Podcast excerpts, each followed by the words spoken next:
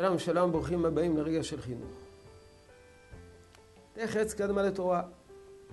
זה נושא הסדרה שלנו. ועתה נעסוק אה, בעצלנות, בעצלן.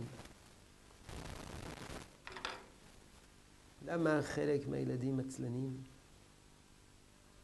למה חלק מבני הנוער עצלנים?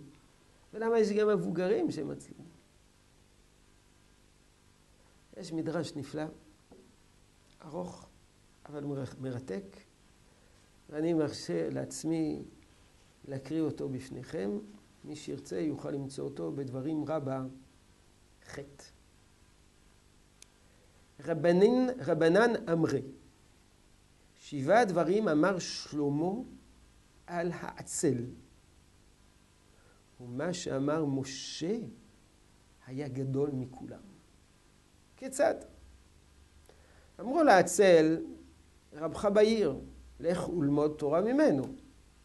הוא משיב אותם ואומר להם, מתיירא אני מן הארי שבדרך. אמרו לו, הרי רבך בתוך המדינה, עמוד ולך אצלו. אמר להם, מתיירא אני שלא ארי בתוך הרחובות. על כל אחד מן הפסוקים, אחד, כל אחד מן האמירות, חז"ל מביאים פסוק, דילגתי על הפסוקים. אמרו לו, הרי הוא דר אצלך, אצל ביתך, הוא השכן שלך, קרוב אליך, לא צריכים uh, ללכת רחוק. אמר להם, הארי בחוץ. הארי מחכה לנו פה ממש, ביציאה מן הבית. אמרו לו, רבך בתוך הבית, אין כבר ארי.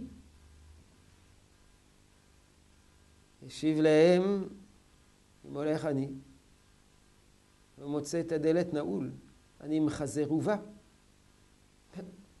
אני אלך, אולי, אולי הוא סגר את הדלת, אני לא אפגוש אותו. אמרו לו, פתוח הוא.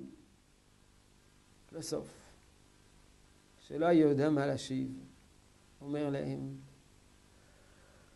הדלת פתוח או נעול, מבקש אני לישון עוד מעט.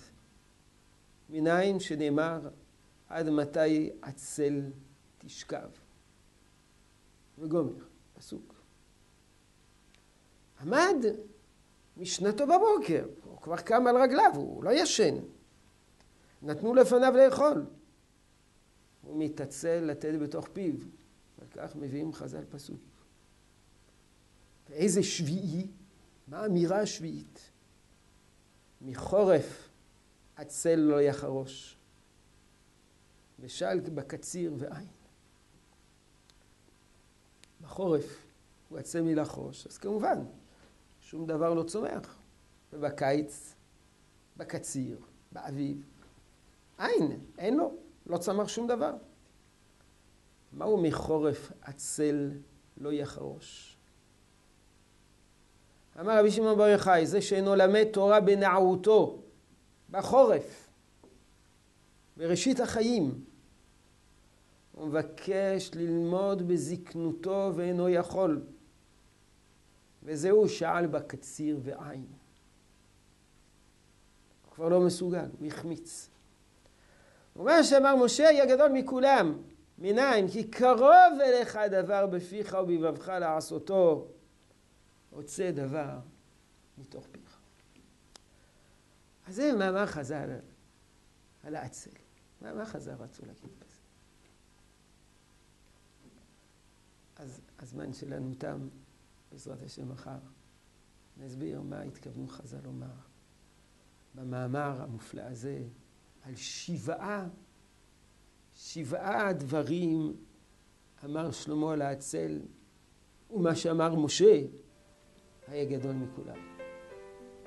רצון שתשרה ברכה בעבודתנו החינוכית שלנו.